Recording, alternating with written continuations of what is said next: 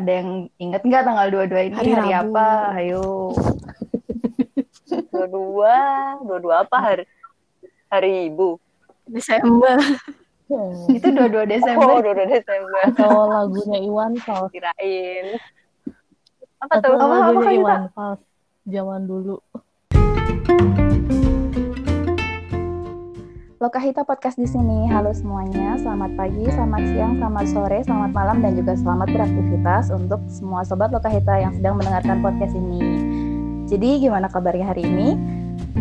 Ah, memang sih basi banget kalau nanyain kabar, tapi kalau di tengah pandemi COVID-19 yang kayak gini tuh kayaknya udah jadi suatu kewajiban gitu ya buat nanyain kabar. Semoga sobat, sobat Lokahita yang sedang ngedengerin ini di mana pun berada selalu dalam keadaan sehat, baik-baik saja dan juga selalu bahagia.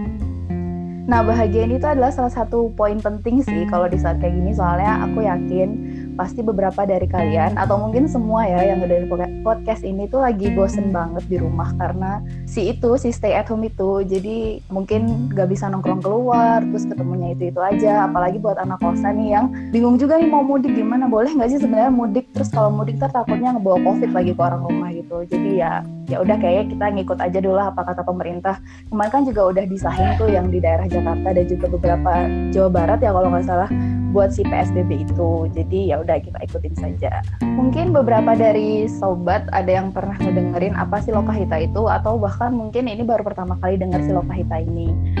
Nah, aku mau ngenalin dikit aja sih tentang Lokahita. Jadi Lokahita itu apa?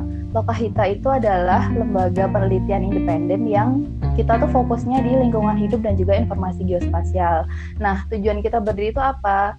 Kita tuh pengen secara umum nih mendukung pencapaian dari si pembangunan berkelanjutan di Indonesia. Kita sendiri base-nya ada di Bandung ya, cuman walaupun kita ada di Bandung, tapi anggota kita tuh ada di mana-mana gitu, termasuk sekarang. Jadi ada yang beda pulau, bahkan ada juga yang beda negara untuk saat ini gitu. Ngomong-ngomong soal anggota Lokahita, jadi di sini tuh nggak cuman ada aku, ini ada Kasita, halo, Halo. Kasita. Ada juga Dini, hai Dini. Ada Jessica, halo Jessica. Halo. Dan juga ada Salsa, hai Salsa. Hai. By the way, udah tanggal 22 aja nih nggak berasa bulan April ya tiba-tiba kita udah mau end di bulan April. Ada yang inget nggak tanggal 22 ini Hari hari, Rabu. apa? Ayo.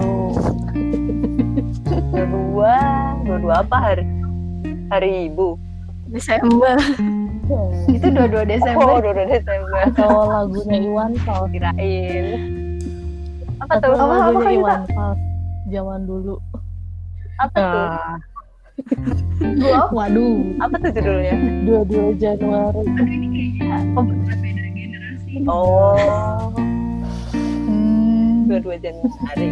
Ini pada beneran nggak tahu atau gimana nih? Serius, aku taunya 11 Januari. Aku masih satu generasi sama Jessica sih ini. Tahunnya itu. Oke, oke balik-balik. Jadi tanggal 22 April ya, April bukan Desember, bukan Januari. Jadi tanggal 22 April ini kita ada momentum yang namanya Hari Bumi.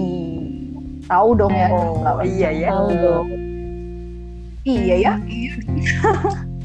nah, gimana nih kira-kira selebrasinya buat tahun ini? Maksudnya apakah sama dengan tahun-tahun sebelumnya atau ada sesuatu hal yang berbeda yang mungkin bisa kita bahas tentang Hari Bumi tanggal 22 April ini? Apalagi kan sekarang lagi pandemi Covid kan, kira-kira gimana tuh? Aku jadi ingat Guys. sih kemarin kan baca artikel gitu. Katanya tuh sebagai ya katanya tuh sebagai Tuh apa-apa, Din? COVID dilihat dari citra satelit di Cina sama beberapa lokasi yang ngelakuin lockdown gitu, itu polis polusinya jadi menurun gitu loh. Gara-gara aktivitas industri Hmm. terus transportasinya kan Iya, berkurang tuh. Nah, terus jadinya emisi juga Mm-mm. berkurang kan. Makanya udaranya jadi uh, lebih nggak berpolusi gitu. Oh iya iya iya. Aku juga sempat baca sih itu eh, ada yang banyak gitu yang nge-retweet artikel-artikel itu. Yang bilang katanya kalau COVID-19 itu tuh sebagai salah satu usaha emang buat bersih-bersih bumi gitu. Jadi salah satu solusi dari climate change. Tapi agak gimana gitu ya kalau dibilang jadi solusi dari climate masuk change si akal COVID-nya sih ini. sebenarnya cuma tapi yang Gimana menurut ya? aku memang jadi agak mislead soalnya bukan coronanya yang jadi obat bumi tapi lebih ke tindakan-tindakan yang dilakukan sama manusia itu yang bakal mempengaruhi alam nah sebenarnya kan perubahan yang terjadi itu juga bakal Nah. mempengaruhi manusia gitu bisa dibilang memang uh, climate change sama kesehatan tuh memang saling mempengaruhi Oh gitu kak. Oh iya. Oh, setuju sih kalau bagian yang emang yang bersih ber, apa sih yang buat climate change tuh ya emang bukan dari covid ya itu setuju. Terus tadi tadi kalau bilang climate change sama health itu gimana nih? Menarik sih itu coba tolong dielaborasi lah boleh itu Hmm, gimana? Sebenarnya bisa? yang paling kerasa dari climate change mungkin ada global heating, terus curah hujan meningkat ya, sama polusi udara kan yang paling kerasa gitu. Nah, sebenarnya ada dua nih dampak dari climate change terhadap Hmm. kesehatan. Dilihatnya dari langsung atau nggak langsung. Nah, kalau secara langsung itu, misalnya nih, karena aku di Kalimantan, yang kentara itu kalau misalnya lagi musim kemarau, lagi musim kering, itu bakalan eh, trennya tuh kebakaran hutan gitu. Nah itu polusinya bener-bener ya Allah, nauzubillah min zalik gitu. Ya, efeknya kesehatan apa gitu? Iya, Nah iya. itu jelas ya kalau misalnya Ah, karhutlah tuh musim-musim karhutlah kayak bulan Agustus. Nah itu ISPA tuh bakal meningkat terus eh, buktinya tuh tahun lalu pas musim karhut karhutlah sampai bulan Desem September kalau nggak salah. Nah itu sekitar 900 ribuan eh, jumlah orang yang kena ISPA seluruh Indonesia. Gara-gara itu kan salah satunya gara-gara kartu Itu kartu- gara-gara itu kan sebenarnya ya? juga ngaruh ke pemanasan global ya karena makin kering jadinya ya itunya trennya juga jadi makin nambah. Nah terus yang cukup baru juga Januari kemarin misalnya banjir Jakarta ya itu kan karena peningkatan Mm-mm. karena peningkatan heboh curah hujan banjir itu jadi meningkatkan juga risiko sakit sama kecelakaan. Misalnya eh, orang-orang cedera karena reruntuhan bangunan pas banjir gitu. Atau misalnya Hmm. banyak yang kena diare nih karena kotor dan makanan yang terkontaminasi sama air banjirnya. Ditambah lagi mungkin orang-orang terutama yang eh, ekonomi menengah ke bawah gitu itu bakalan kesulitan akses ke fasilitas kesehatan. Apalagi yang di daerah-daerah rawan banjir lah istilahnya Iya bener ya. Jadi ya Hmm, juga ya. banjir gitu efeknya ke kesehatan gede ya banyak yang jatuh korban. Nah kalau sekarang corona atau COVID-19 ini gimana ya hubungannya sama climate change tadi Iya, ya? Apa itu. Gimana, gimana? ada dampak dari climate change atau gimana? Nah ini sebenarnya kalau aku ngeliat contoh nggak langsung sih. Kemarin aku baca juga artikel dari UN Environment gitu. Jadi sebenarnya perubahan temperatur, kelembaban, terus perubahan cuaca itu bakalan mempengaruhi eh, kemampuan mikroba dalam bertahan hidup di lingkungan. Nah, menurut penelitian juga nih, semakin iklim itu mengalami perubahan, penyakit-penyakit epidemik itu juga bakal sering terjadi. Sebenarnya aku nggak begitu paham ya masalah eh, yang katanya eh, virus corona ini gara-gara zoonosis atau eh, yang gara-gara ditularkan dari binatang gitu. Soalnya sebenarnya kalau aku baca-baca juga belum proven kalau manusia itu tertular virus ini dari kelelawar gitu. Hmm. Nah, tapi contoh yang paling sering diambil tuh masalah eh, hubungan antara climate change sama penyakit yang ditularkan oleh hewan lah istilahnya itu tuh malaria. Nah, terutama di daerah kayak di Indonesia ini ya. Oh iya. Misalnya perubahan dikit aja gitu. Nah, itu tuh bisa mempengaruhi masa hidup nyamuk gitu. Kalau misalnya curah hujan cukup, nyamuk kan bakal bertelur tuh. Karena kan kondisinya mendukung banget buat mereka uh, berkembang biak. Nah, apalagi kalau iklimnya jadi lebih lembab. Itu mereka bakal sangat nyaman gitu dengan kondisi kondisi itu. Nah, terus uh, perkembangan dan pertumbuhan nyamuk tuh jadi makin cepat kan di suhu yang hangat terus lembab tadi. Nah, sehingga ada waktu yang lebih panjang buat penyebaran penyakit malaria itu sendiri. Nah, jadilah kemungkinan penyebaran malaria ini meningkat karena climate change tadi itu secara nggak langsung kayak gitu. Nah, satu lagi nih terkait corona baru ingat. Dampaknya juga sebenarnya bisa ke mental health.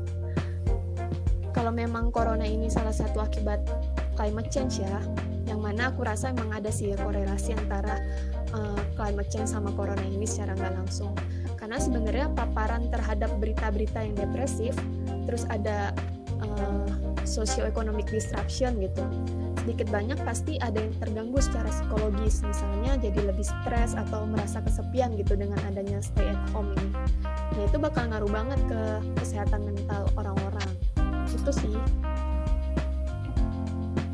Hmm. Iya bener banget itu. Kesepian ini ya. Iya sih ya. Kayak kalau kecemasan waktu awal-awal itu kan emang bentuk dari coping mekanisme dari orang-orang gitu.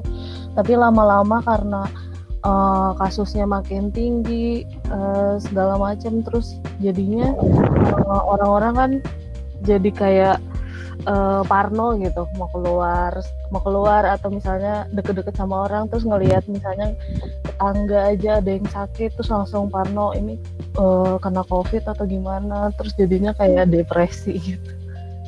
Iya. Iya sekarang aja kan batuk iya. di tempat umum juga kita bingung kan ya. Kayak iya. udah panik sendiri udah jangan langsung, batuk jangan batuk gitu. pas ada yang satu batuk langsung pas langsung nyebar aja orang-orang. Kayak ketakutan gitu. Iya insecure. Ya sebenarnya kan yang jarang kita sadari yang efek-efek nggak langsung gitu kan iya yang nggak langsung gitu. mm -mm, yang nggak yang yeah. jangka panjang gitu. Pas nyadar mm -mm. eh udah telat. Iya. Udah telat. Se itu ada juga loh sebenarnya dampaknya ke masalah pangan. Oh gitu kak? Jadi iya. Jadi perubahan oh, itu iya. kan ngaruh banget ya ke pertanian. Masa tanam terus ke hasil akhir panen gitu. Kalau misalnya panennya gagal karena cuaca yang nggak sesuai sama masa tanam, otomatis ketersediaan pangannya juga bakal berkurang. Kalau ketersediaan pangan berkurang kan harganya jadi makin turun. Nah bisa-bisa makin banyak yang malnutrisi karena nggak bisa beli makanan kayak gitu. Ih serem banget. Serem-serem. Iya ngeri juga ya maksudnya kalau dirunut tuh ternyata emang efek ke belakangnya tuh sebenarnya banyak gitu hmm, gitu kan. Terus kalau misalnya kita ngomongin pangan di masa corona kayak gini, kalau misalnya ada daerah-daerah yang mau melakukan PSBB ya, penutupan antar wilayah itu, kira-kira pangannya cukup atau enggak sih, Kak?